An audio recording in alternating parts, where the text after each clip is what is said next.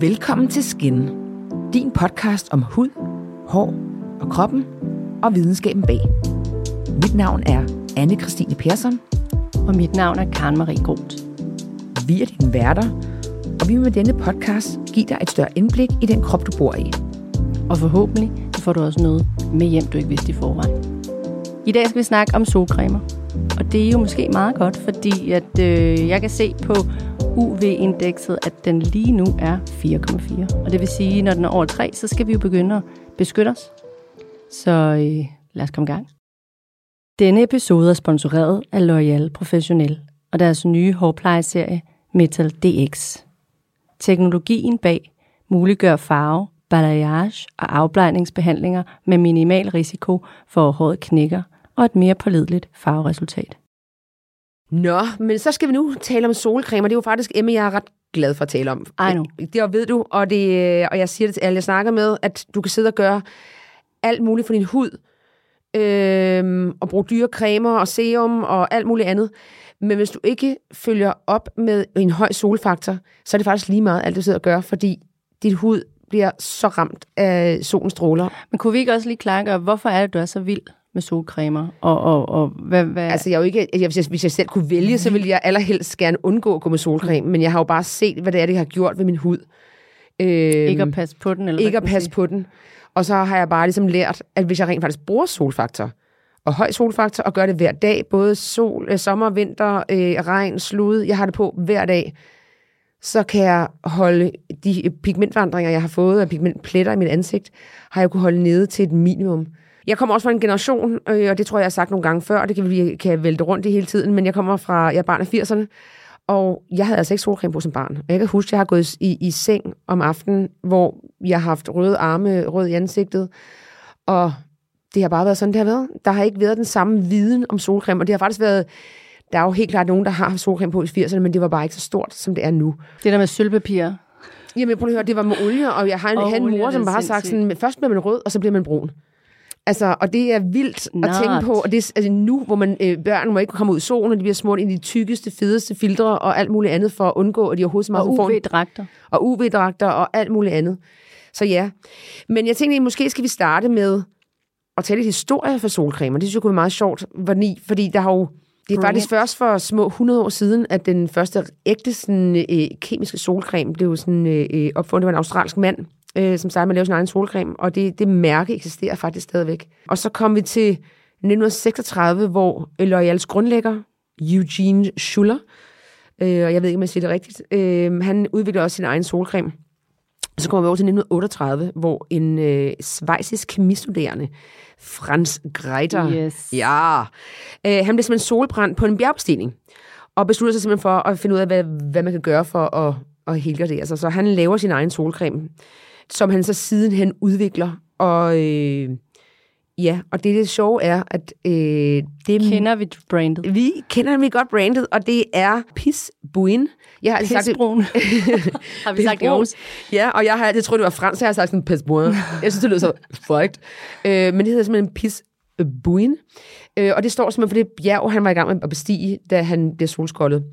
Og øh, han er også den, der i løbet af 1960'erne udvikler SPF, som den standardisering, der er kommet af solcreme, hvor man ligesom kan måle, hvor meget det ligesom øh, kan, og i hvor lang tid osv. Og, og herefter tager det i bund og grund bare fart for, for solcreme.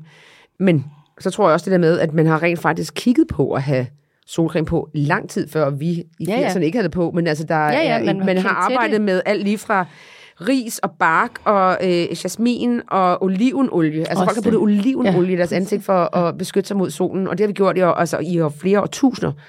Så solcreme er ikke en ny ting, men det er først her inden for de sidste 100 år, det sådan rent faktisk er kommet ind i, i kemien, øh, hvor man har udviklet produkter, som nu vil jeg kunne leve uden. Og man kan sige, udfordringen er også ved, at vi har haft ozonlag, som har to et major hit der, øh, og det man opdagede ligesom i 70'erne, at der var noget øh, udledning fra vores køleskaber og airconditioner osv., der lavede hul i vores ozonlag, som gjorde, at, altså, at sollyset simpelthen blev meget skarpere, og vi ikke har det naturlige solfilter, som, mm. som jorden ligesom giver os. Så, øh, Men altså, man må også bare sende, at hud og modermærkekræft, det er tredoblet de sidste 30 år, ikke? Jo. Så jeg, jeg, jeg bruger også solcreme nu, men, men, men øh, Det, altså solcreme er helt sikkert det emne, som vi har med, altså, som vi tager fat på i den her podcast, som jeg ved mindst om. Fordi jeg bare har været sådan, det har jeg ikke brug for. Men det har alle. Alle har brug Tænk at på beskytte alle de rynker, der kommer til at sætte sig i Jamen, så har jeg til gengæld aldrig været sådan en, der ligget i solen og bare givet den fuld gas. Jeg har heller aldrig været øh, til solarier. Så der er nogle, måske noget at hente der, men jeg har, ikke været, jeg har ikke været god til at beskytte min hud. Det har jeg ikke. Og det er- tror jeg desværre, der er rigtig mange, der heller ikke har. Nej. Altså, det er desværre der, vi er lige nu. Mm. Øhm, og derfor har vi inviteret en rigtig spændende mand ind i studiet i dag. Øh, Kasper Alting. Kasper Alsinger, og han er læge og phd studerende øh, i dermatologien på Bispebjerg. Og han ved frygtelig meget om, øh, om sol og sollag og UV-stråling og Så jeg tænker, at alt muligt andet og solcremer. der er mange myter forbundet med, med solcremer, og hvordan man opholder sig i solen, og hvad man må og ikke må. Så lad os øh, komme i gang. Velkommen, Kasper. Tak. Dejligt, du kunne komme. Jeg har også glædet mig. Jamen, det er så skønt. Øh, vi skal jo snakke solcremer i dag, og øh, Ja. der tænkte Anna og jeg, at du var den fuldstændig korrekte kandidat til det. I hvert fald en af dem. Der er mange ja, dygtige det er mennesker. der, det er der. Men Anna, hun har været til et event, hvor du var, og så var der ikke så meget Så at blev snakke jeg, om. jeg blev simpelthen blæst bagover af, af din kompetence og ekspertviden. Jeg kan i hvert fald godt lide at snakke. Det skal ikke være en hemmelighed. Det er helt perfekt. Ja. Det er jo en podcast, hvor vi skal snakke, så det er perfekt. Okay, som sagt, solcremer. Ja, måske skal vi starte sådan med the basics, mm, øh, når det kommer til solcremer. Hvad er det sådan, øh, hvad er det, vi beskytter os imod? Hvad, hvad, kan du fortælle lidt omkring øh, både solen Ja, og stråling og ozonlag og alt det, der ligesom følger med? helt sikkert. Altså, vi skal jo overordnet se på, at øh, solstrålerne består af forskellige komponenter, kan vi egentlig godt sige det. Så hvis vi sådan overordnet prøver at bryde det lidt ned, så øh, kalder man faktisk det spektrum her, øh, det elektromagnetiske spektrum. Faktisk er der blandt UVC, som bare ikke rigtig når jorden, fordi det bliver, hvad kan man sige, bremset af blandt ozonlaget. Så øh, den øh, en af de ultraviolette bølger, som I hvert fald måske har hørt ret meget om, det er blandt UVB, øh, som der i mange år har været rigtig, rigtig meget forskning på. Og så senere også UVA, øh, som hver ting har øh, sin effekt på huden. Og det er måske også det, jeg synes, vi skal komme ind på lige om et øjeblik. Men øh, ud over den ultraviolette stråling, som er den, vi ikke kan se, så er der også det synlige spektrum, som er det, der gør, at vi ligesom kan se verden, som den den er. Øh, og der er der også øh, nyere forskning, der begynder at kigge på, hvordan at det synlige lys, i hvert fald det lavere spektrum af det synlige lys, især i det blå spektrum, muligt også kan have effekter på huden. Og så har vi i den øvre grad det øh, infrarøde spektrum, som egentlig er, giver en masse varme til huden. Det kan du heller ikke se. Så, Så det vil sige, at den infrarøde stråling giver varme, Lige præcis. og det er der, hvor solens primære varme kommer fra. Lige præcis. Yes. Men man skal jo ikke se, være i tvivl om, at der er ekstreme mængder varme, men også energi, der bliver afsat øh, både nede på jorden i form af at skabe energi til vores Mm. planterige, men også afsættes i vores hud. Og det er jo derfor, at der også skal blive skabt nogle problemer. Så hvad er det, de, de forskellige UV-strålinger, eller de forskellige strålinger, gør ved huden? Yes. Jeg har faktisk en lille ramse, jeg synes, at I skal lære. Øhm, generelt siger man UVB, så skal man kigge på B'et, og det hedder burn, fordi at UVB'en, den skaber typisk øh, gener i de øvre hudlag omkring overhuden.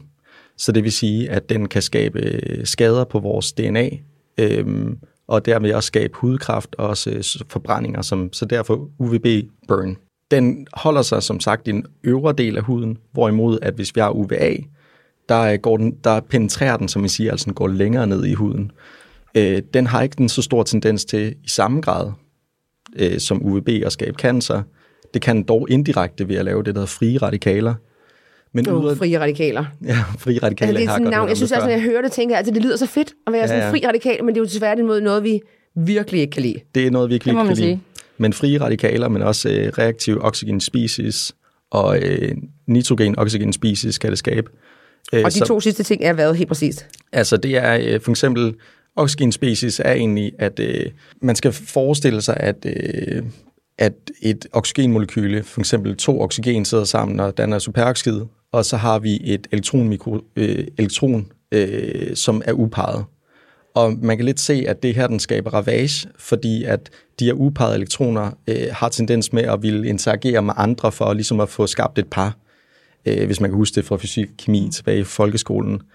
Øhm, og det er der, at de indirekte kan være med til at skabe skade på vores DNA, og også være med til at skabe det, der hedder fotoaldring, øh, og også være med til at skabe øh, det, vi kalder hyperpigmentering. Altså, der er måske rigtig mange kvinder, der især finder det kosmetisk generende fra solen, at man kan øh, få sådan brune pletter på huden, blandt det, man kalder melasma.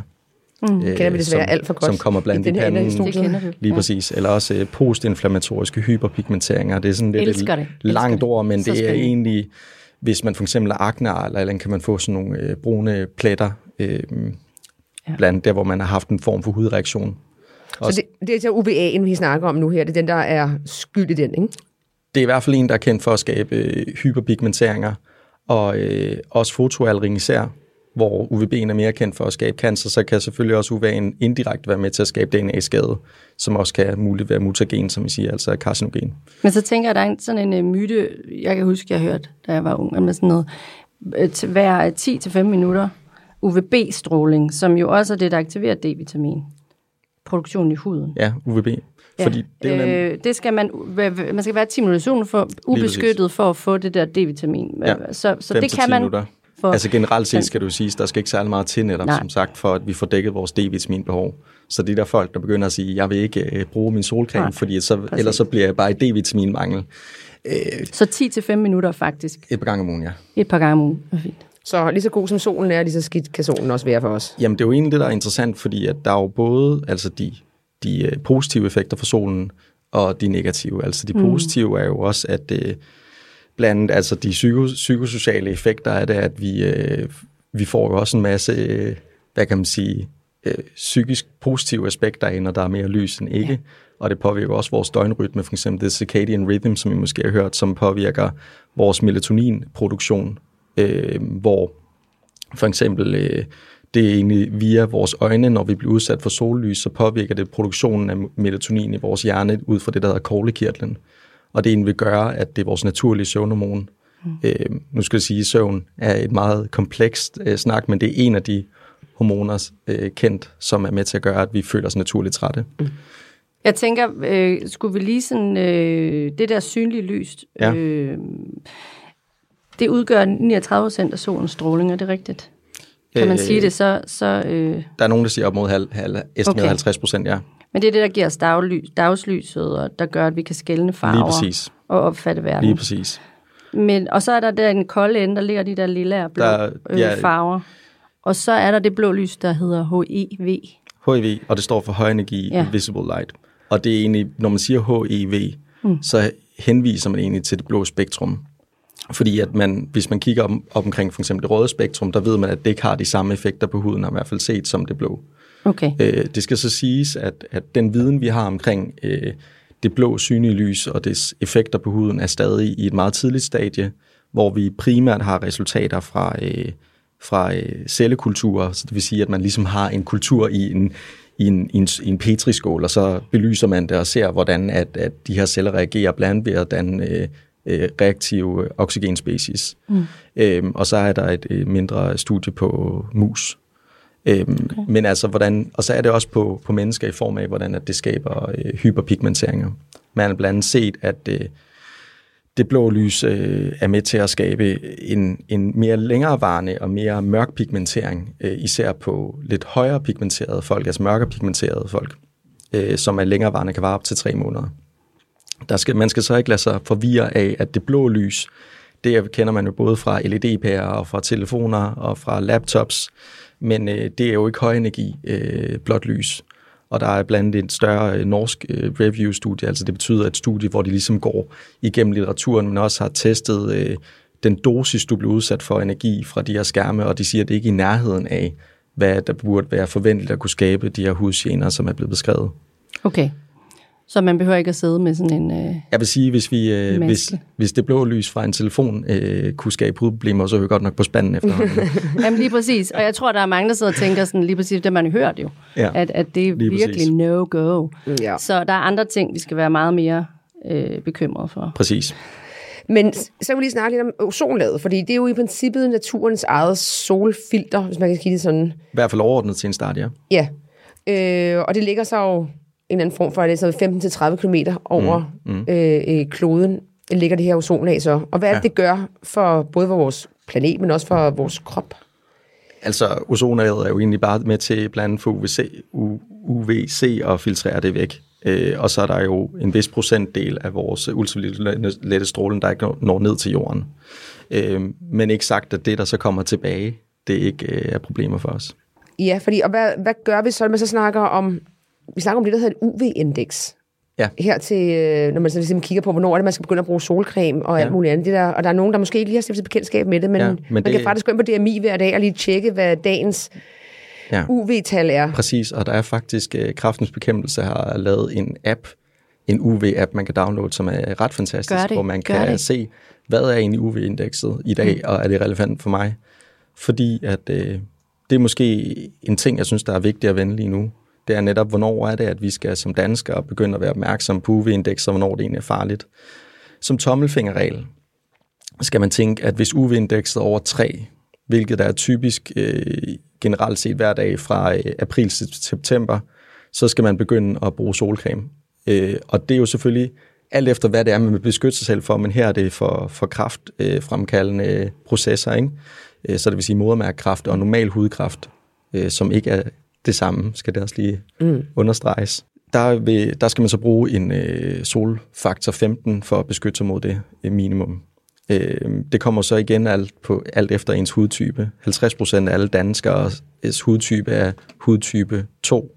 Så vil sige, den her, der øh, kan meget lidt, sol, blive sol, meget lidt blive solbrændt, øh, men generelt bliver nemmere solskoldet og er sådan blåøjet, ikke særlig pigmenterede øh, personer. Så selvfølgelig jo mere øh, pigmenteret man er, øh, man opdeles i fra 1 til 6, siger man, hvor 6 er den øh, meget, meget mørk pigmenterede person, hvor 0 er sådan helt over, eller 1 er helt ned i sådan en rødhåret øh, albino bleg person. Ja, fordi det er jo sådan noget med melanin at gøre. Er det korrekt forstået? jo.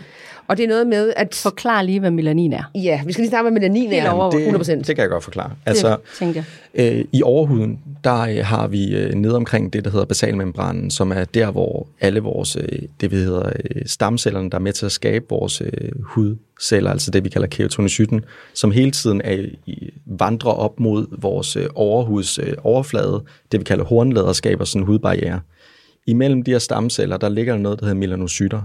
Og de ligger som sådan en lille, jeg synes lige ligner lidt en blæksprutte, hvor de har sådan nogle små fangerarme, hvor de sådan ligger og, og spytter sådan noget små pigmentkorn ud, man kalder melanosomer.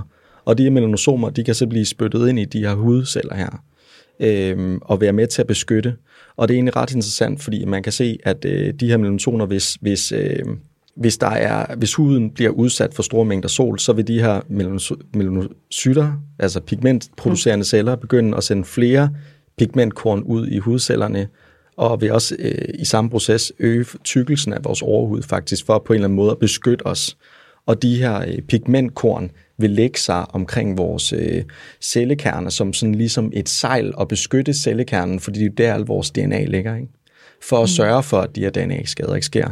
Så det vil egentlig også sige, at når vi begynder at blive solbrændte, så er det jo allerede et tegn på, at vi faktisk er i gang med at få en solskade. Det er sådan noget krisemode, ens krop går Men det er jo en naturlig forsvarsmekanisme, ikke, Egentlig. der bliver sat der udløses på en Men det skal siges som sådan en tommel, ja. tommelfingerregel for os, øh, sådan lidt øh, blege, blege, blege nogen som mig selv, øh, at, at vi bliver solbrændte, så dækker vi ikke med mere, end hvad der svarer til en SPF på, altså en, en sol, sun protection factor på, øh, på 2.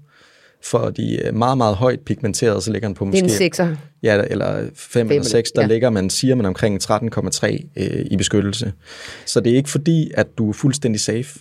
Altså nu skal vi tænke på, at i Danmark, ja, der siger man, at, at en øh, solfaktorbeskyttelse på omkring 15 i, i hvert fald øh, canceraspektet er nok i Danmark. Øh, selvfølgelig, hvis du er allerede i sydens sol, så vil UV-indekset være endnu højere, og der er det ikke ualmindeligt, at det kan ligge omkring 10. Og hvis du er i Thailand, der kan det ikke øh, ualmindeligt ligge omkring 13. Så der er det jo der, at vi skal være op i endnu højere faktor 30 eller 50, ikke? Alt efter også, hvor bleg man er, og hvor nemt man bliver øh, solbrændt. Og så det, du siger, det er jo faktisk, at selvom man har en mørkere hudtone, øh, så skal man jo også passe på med, altså så skal man Yes. rent faktisk pleje sig med solcreme også, fordi Og at, man kan også blive øh, solbrændt, selvom man har en mørk hud. Og man kan også Og godt få hudkræft. Ja. Men det er rigtigt nok, at jo, jo lysere man er, jo, øh, Højere risikoen. jo mindre, øh, hvad kan man sige, mængde af melanin har vi også i huden. Vi har de samme melanocytter, men de producerer ikke den samme mængde øh, melanin, plus der er noget, øh, et stof, der hedder øjemelanin og feomelanin, som er i en, i en anden ratio i mørkere pigmenterede folk, som gør, at de bliver bedre beskyttet mod solen, plus at man også har set, at de faktisk er bedre til at reparere sig selv ved solskader, end, end mere øh, lavt pigmenterede mennesker. Så på en eller anden måde er der også en eller anden måske sådan evolutionær årsag til, at de er bedre, mere modstandsdygtige mod øh, solen. Måske bare gå til solcremen nu. Altså, fordi, hvordan Ja, virker... filtrene, ikke? Jo, filtrene, og hvad sådan, ja. hvordan virker en solcreme i det hele taget, ikke? Altså generelt set, så kan vi overordnet øh, opdele en, en, en solcreme i, at den, som I måske tit har hørt, at der er et fysisk filter, og der er et kemisk. Øh, de naturlige filtre, øh, de fysiske filtre, de fungerer egentlig tit ved, at øh, de enten reflekterer eller sådan spreder lyset, men også absorberer lyset. Øhm, og på den måde kalder man det også tit en sunblocker, fordi det egentlig ligger som sådan en blokerende hinde for solen uden på huden, og bliver ikke absorberet i huden. Det ligger i sådan nogle øh, nanopartikelkorn på omkring øh, 200 nanometer. Og det er rigtigt, det, det faktisk virker, når du har på dem på øjeblikkeligt. Ja, fordi Altså altså fysiske at de ligger jo som sådan Ja. blokerende hinde, ikke? og det er jo så typisk øh, jernoxid, jernoxider som for eksempel zinkoxid eller titaniumdioxid. Og der kan jeg fortælle for eksempel det sjove, en af de største klager ved øh, de fysiske filtre er jo netop det her med, at der kommer sådan et, et, et white, white shine, altså man ja. bliver sådan et blindnæbet af at have dem på. Ja. Og det sjove er, at øh, altså jernoxid har man kendt i årtusinder inden for kunstverdenen. Man bruger jernoxid til øh, at lave øh, kunstfarver med, og det er faktisk den titaniumdioxid, man også bruger i hvid tatoveringsfarve. Og det er netop bare en hvid farve. Så det er jo egentlig bare, at du har den her partikel, der egentlig bremser og absorberer solens lys som sådan en sejl. Øhm, der er man så senere hen også begyndt at introducere det, der øh, tonede øh, solcremer, eller farvede solcremer, som på dan- engelsk hedder tinted sunscreens. Yes. Øh, og der er det, at man egentlig blander øh, sådan nogle øh, mineraler i, som også er egentlig jernoxider, men mineraloxider, som typisk stammer fra jorden. Det er egentlig, hvad der svarer til sådan nogle rustfarver. Og det er så blandet en gul og en sortbrun og en brun, som, øh, okay. som man putter i. Og det er derfor, de nogle gange bliver mere farvede. Så det vil sige, at man rent faktisk har fjernet den der, de der hvide filter, hvis man har puttet noget, noget, en eller anden form for farve i. Altså, øh, er det sådan forstået? Nej, Får altså man det er tit, det en, mikroniseret det på en eller anden måde? om altså, de gør det mindre. Ja, Der er det også nogen, det? der laver sådan nogle blends, hvor de egentlig prøver at reducere partikelstørrelsen. Ja. Problemet er så bare, så har det ikke den samme blokerende effekt som før. klar. Fordi det er jo nemlig partikelstørrelsen på huden, der er med til at gøre, om lyset bliver brudt. Dette afsnit er sponsoreret af L'Oreal Professional og deres hårplejeserie Metal DX. Flere frisører oplever, at sundt hår knækker ved farvning eller blegning, og efter flere års forskning er man nået frem til, at det er grundet metalophobninger inde i hårstråene, som blandt andet kommer fra det vand, vi vasker hår i. I Danmark har vi hårdt vand, indeholdende en stor del metal, især kår. L'Oreal Professional har derfor udviklet serien Metal DX med det metalneutraliserende molekyle glykoamin, og testresultaterne taler for sig selv. 87% mindre risiko for knækket hår og et mere pålideligt farveresultat. Det, er Men- så, det, det var den fysiske, så er der så de, de kemiske, De kemiske, det er jo de arbejder jo helt anderledes. lige præcis. Altså, ordentligt siger man også, at, at de her fysiske filter kalder man inorganiske øh, solcremer, hvor så øh, de kemiske kalder man organiske, og det er jo netop mm. fordi, at der har man stået i et laboratorium, og så har man syntetisk fremstillet et eller andet stof, som øh, kan være med til at absorbere øh, øh, hvad kan man sige, solens stråler, varme ikke, og energi. Øhm, og det er på den måde, at det har sådan en filtrerende effekt. Og det er også derfor, at man har sådan lidt den der sunblocker-effekt, eller sunfilter, eller sunscreen-effekt. Ikke? Okay. Okay. Og, øh, men, men nu arbejder man også, så vidt jeg forstår, så er man også begyndt at blande øh, solcremer, ja, hvor det både er det, det, det, det, det, det kemiske og det naturlige, der ligesom bliver blandet sammen i den samme solcreme. Hvor før der var det meget, det, man snakkede meget sådan, enten det ene Ja. eller så det andet, men det gør man ikke længere. Det er jo egentlig også et forsøg på at øh, prøve at lave så et bredt spektrum solcreme som overhovedet muligt. Altså øh, for eksempel det, som er det nyeste i hvert fald fra øh, solcremeproducenternes side, er netop at ville fokusere på at arbejde med det her synlige lys og prøve, hvordan man kan bremse det, fordi tidligere har solcremerne meget fokuseret på kun at bremse UVA og UVB, mm. men øhm, der har man set, at hvis man for eksempel blander de øh, fysiske filtre med nogle af de mineral øh, blends her, så vil man være bedre dækket mod det synlige lys end før.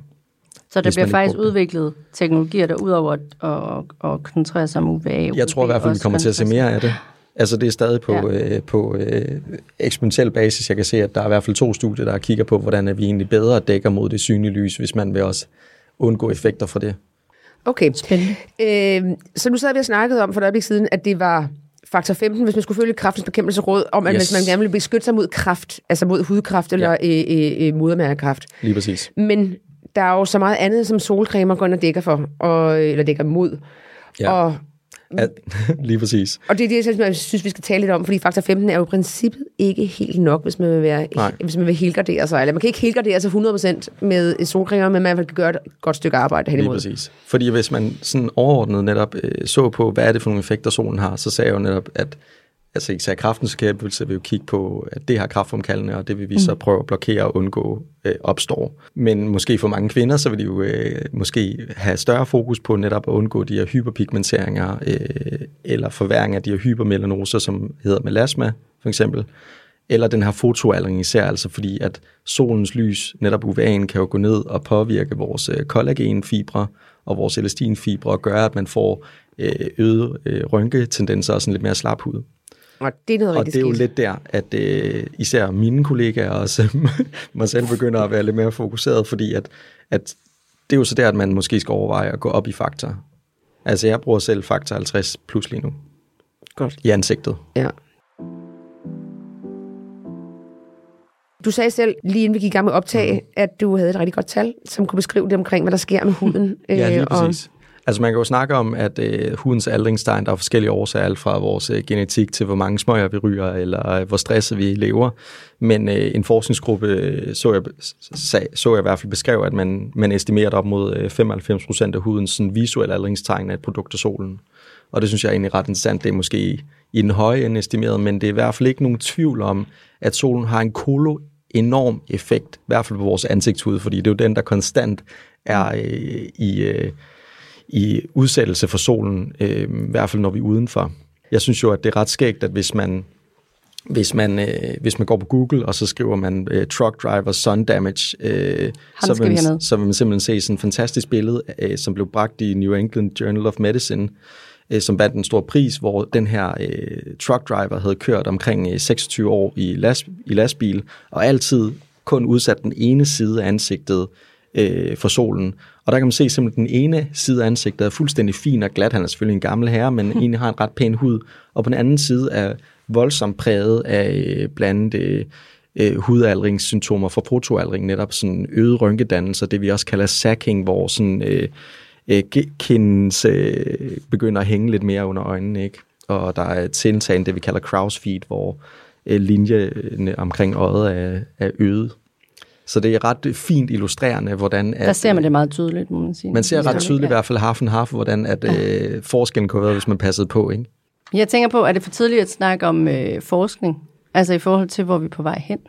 Hvordan ser solcreme ud om 10 år? Jeg håber jo, at du siger til mig nu, Du skal om 10 gå i år, så kan du købe en pille, men Præcis. så har du bare en gang om dagen, og så Præcis. har du bare øh, faktor øh, 200 på, og du kan bare være ude i solen lige så længe du har, og du behøver ikke at Ja. tænke over at skulle smøre dig ind i solcreme. Altså, jeg vil sige, jeg sad og kiggede sådan lidt på også øh, med forskning. Altså, jeg tror, i lang tid har man egentlig stået ret stille med indsyn til, at man har godt vidst, hvad UVA og UVB havde effekter. Det, man begynder at se, det er jo i tilsagende grad, hvad er der måske af, af om der er et bidragende aspekt fra det synlige lys, i hvert fald på vores, øh, på, på vores hudpigmentering, også øh, især for de her kvinder, der har gener fra rosacea eller gener fra, øh, fra de hyperpigmentering, kan, kan måske have glæde af den viden, vi får derfra. Men det må vi jo se med tiden. Sådan er det jo med forskning, at vi Ja, bliver ja. klogere og klogere. Derudover så synes jeg, det er meget spændende, øh, hvordan man arbejder med at, at tilføre antioxidanter i både solcreme, men også øh, kigger på at spise det som tablet ved siden af som supplement. For man kan sige, huden har hvad kan man sige, et reservoir af, af naturlige antioxidanter, som naturligt prøver at, at bremse det, jeg, jeg kalder løsgående missiler fra at skabe ravage i vores hud, og muligt være med til indirekte at skabe DNA-skade, ikke? Og, Og de frie radikaler. lige de frie radikaler lige præcis. Øh, og der er der stoffer, som, som I måske har hørt øh, fra reklamer, som en coenzym Q10 og sådan noget. Det er blandt et antioxidant, og også øh, noget, der hedder glutathion. Men de bliver ret hurtigt opbrugt, hvis man bliver udsat for excessive mængder af sol. Øh, og tager omkring de her 24 timer for at regenerere. Og det er så der, at man begynder at kigge på nu, hvorvidt man egentlig skal tilføre øh, antioxidanter, for eksempel E-vitamin eller C-vitamin, som er kendte antioxidanter, eller også øh, noget, vi kalder likalko- likokalkone øh, A, som er en, et ekstrakt fra øh, kinesisk lakridsrod, som øh, også har øh, vist nogle ret interessante resultater. Øh, det er igen på, på cellestudier, men, mm men det er måske den retning, at vi går, at vi bliver klogere og klogere på netop, hvordan vi kan bremse de her øh, reaktive oxygenspecies for at skabe ballade i huden. Men altså, det er også det, man har anbefalet i lang tid, det er det her med at øh, påføre sig, øh, øh, hvad hedder det, et serum eller cremer, der har øh, antioxidanter i, inden du putter solcreme på, for ligesom, ja. at, ligesom at Ja. understøtte solcremes Ja. øh, Ja. effekt. Så øh, Ja. det giver jo meget god mening. Okay, så det du siger til mig, det er ikke, på nuværende tidspunkt er der ikke en pille om 10 år, som øh, der er ikke det ikke indikationer, endnu. ikke indikationer på det. du laver det. Altså jeg vil Ja. sige, at i og med, at det bare tager næsten 10 år bare at få godkendt nyt Ja. medicin, så vil jeg sige, at jeg tvivler på det. Ja. jeg har ikke set noget wonder drug lige forløbig. Nej. Jeg tænker også på, hvad, når, hvis, nu hører vi jo det der med, at øh, vi skal putte solcreme på øh, hver anden time, når vi opholder os i Ja. sto, solen, og, Ja. og vi skal have de her øh, 35 milliliter for at kunne dække hele kroppen og sådan noget. Ja. Der Der må jeg også bliver allerede træt. Ja, jeg Øh, der må være ved- forskel på, om man sidder i Ja, ja. Sydfrankrig. Danmark, 100%. og om det er vinter, efterår, forår og sommer osv. Men, men lige præcis, jeg bare dig til at sige, er der nogle gode råd, hvorpå man kan få øh, påført øh, solcreme i løbet af dagen? Der er også mange, der Ja. de her spray til ansigtet. Lige præcis. Øh. Altså jeg vil Øh. sige overordnet set, hvis vi skal snakke om den sådan applikationsrette, altså hvor tit man skal tage noget på, der vil jeg sige, der er blevet lavet blandt andet et studie for nogle år tilbage på Bispebjerg, en af vores øh, rigtig dygtige overlæger, der har forsket meget inden for sol, hvor de øh, øh, gav folk solcreme på, og så lod dem være fysisk aktive og tørre som håndklæder, og så målte man øh, solcremesfaktoren efter 8 timer, som faktisk så den kun var reduceret med 55 procent. Og for folk, der havde været inaktive bare siddet på en stol, var den reduceret med 25% efter 8 timer. Så man kan sige, det er et godt eksempel på, at jeg synes måske også selv, at det er øh, lidt voldsomt at skulle øh, øh, smøre sig ind hver anden time. Men selvfølgelig, jeg vil sige, det er op til den individuelle at vurdere, hvad de har glæde af. Mm. Men det her studie er bare med til at vise, at, at vi, det dækker egentlig ret længe. Jeg vil i hvert fald sige, i løbet for af, af, af den dag, hvor vi er ude i solen, er vi egentlig ret godt beskyttet med en god solcreme. Ikke? Men det er klart, hvis man ligger i syden, sol og varme på en, en, Præcis. en rigtig øh, øh, stegeferie, så skal man måske lige huske det der med at, at reapplikere sådan rimelig Og bader. ofte. Så er vi jo op, altså Ja. blandt kraftens bekæmpelse, siger, så er vi jo op i en faktor 30. Ikke? Men det er også noget med, at vi ikke er så gode til at smøre os ind på bestemte steder på kroppen. Lige altså bare præcis. man kigger på ansigtet, som er det, der er mest udsættes, hvis man bor i Danmark, og man ikke ligger i solen hver dag. Lige præcis. Så er der også noget med, at man simpelthen bare glemmer nogle områder i ansigtet. Ører og... Lige præcis. Der er, nogle, der er jo sådan high-risk zones, hvor vi mm. ved også, at det er der, at folk kommer, de er blevet solskoldet meget som yngre, og så kommer de der som 60-årige med naturlig hudkræft, altså øh, især på ansigtet, i, ved næsen og ved, omkring læberne, omkring øjnene, om ørerne og så hårgrænsen. Og det giver jo en meget god men- mening. Det er sådan der, hvor man synes måske, det er generende at smøre sig ind. Altså, kvinden har lige lagt en lækker makeup, så vil man helst ikke lige smøre den øh, ind i en fed solcreme øh, på læber og i, i sin nye mascara, ikke? Øh, yderligere så øh, hårgrænsen, man gider ikke lige fedt sit hår ind i en solcreme, og ørerne glemte man bare lige, fordi de sad lidt længere væk, end man lige tænkte. så, så det er bare... Øv, åh, jeg skal helt derom. Så altså, øh, jeg vil egentlig bare næsten tænke, når man skal smøre sig ind i ansigtet, så næsten den der, den der abe der, der holder sig for, for mund, øjne og ører, øh, dem skal, det er lige det, man skal huske især. Ikke? Mm, absolut. Øhm, så er man godt beskyttet i hvert fald. Øhm, der er også nogle myter øh, inden for, øh, for solcremer er øh, og rigtig mange. soldyrkelse i det hele Ja. taget. Som sagt, rigtig mange. ja. Øh, sådan noget som det der med, at når man bruger en høj faktor, Ja. at man så ikke, så bliver man bare ikke lige så brun. Og det, Altså man kan jo sige, delvist vil det jo sige, det, det går, du bliver jo beskyttet mod din UVA og UVB øh, i højere grad, end hvis du overhovedet ikke brugte noget, så det går jo langsommere, men du kan godt blive brun.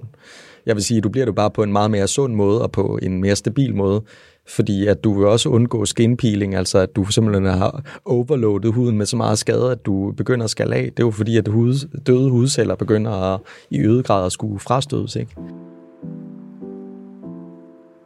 Øh, vi havde, nu havde vi jo i, var det i episode 2, vi snakkede rosacea, hvor vi snakkede om det ja. der med inflammation i huden og rosacea ja. Og rødme og, og forårssolen og sådan noget. Hvis man sidder derude med sart hud eller har rosacea Præcis. eller inflammation i huden, hvad kan man så, hvad skal man så kigge efter? Altså ved rosacea, der er det jo mere, at man skal, øh, der er jo blandt solen en af de faktorer, der er med til at forværre ens hud, hudgener.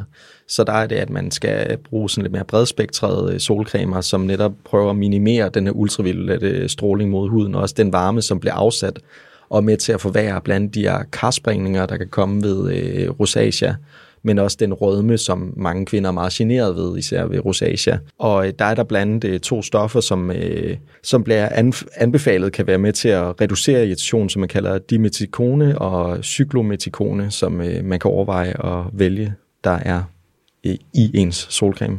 Det kan godt være, at de deler de to. Ja, ja. De to navne deler vi lige på det, vores det gør vi. øh, Instagram. Der er mange ting, vi kan dele her. Jeg vil, vil i hvert at fald, sige. jeg vil i hvert fald sige ved kvinder, der øh, er andre ud over rosacea, så er netop den her melasma, som vi snakkede om.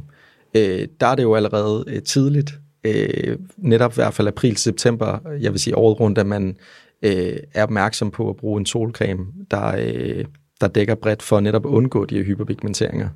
Altså, jeg har faktisk 50 på hver dag. Jeg har Ja. lige det, og jeg har været igennem alt muligt, og jeg har aldrig, jeg går aldrig i solen Nej. uden solcreme på. Og lige her, der vil jeg sige, at der, begynd, der synes jeg, det begynder at være interessant med de her øh, solcremer, der, der dækker mod øh, det synlige lys, altså enten de mineralbaserede, mm. eller der er også nogle nye kemiske filtre, som øh, i hvert fald angiver, at de dækker mod det blot synlige lys.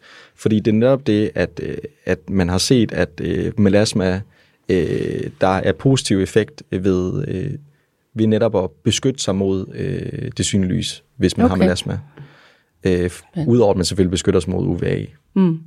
Så det synes jeg egentlig var øh, interessant, hvis man øh, yderligere kunne beskytte sig på den måde. Og reducere, at man fik et pigment mustache eller en eller anden plet i panden. Ja, tak. Ja. Jeg har prøvet dem alle sammen. Jeg tænker, nu, øh, jeg har mistet tidsfornemmelse, fordi det er så spændende. Ja, vi er også Øh, vi har nogle øh, lytter Ja, det det. spørgsmål, og de ligger Ja. faktisk øh, lige herovre, kan jeg se. Øh, sikkert. og, og jeg ved ikke, om du selv bare vil vælge, hvad du vil svare, svare på. De skide Altså, jeg alle vil, sammen. jeg vil i hvert fald sige, at vi har jo allerede været inde på et af dem, som var, at, hvad, hvad SPF stod, på, stod for. Det var sådan Sun Protection Factor, altså det er jo egentlig den beskyttende solfaktor. Øh, og det er egentlig sådan lidt en mål for en, en mål for, hvor lang tid, at, at en hudpatch ville tage, før den blev rød, rød, hvis man havde den her solfaktor på, kontra hvis den ikke var solbeskyttet. Det er sådan en formel, der gør, at man får det her tal ud. Men altså, jeg vil sige, andre af de her øh, lytterspørgsmål har vi faktisk fået vendt. Men ved du hvad, Kasper, det er så fedt, at han er med. Ja, og, Ja, øh, lige vi kunne sidde og snakke i flere timer, Ja, ja. men øh, Sådan er det hver vi har gang. ikke tid. Det er simpelthen hver gang. Men Ja. øh, jeg tænker også, det er fint at Præcis, stoppe nu. Vi kan altid vende tilbage med dig. naturligvis. Gang. Tak for i dag. Det var slet. Hej. Hej.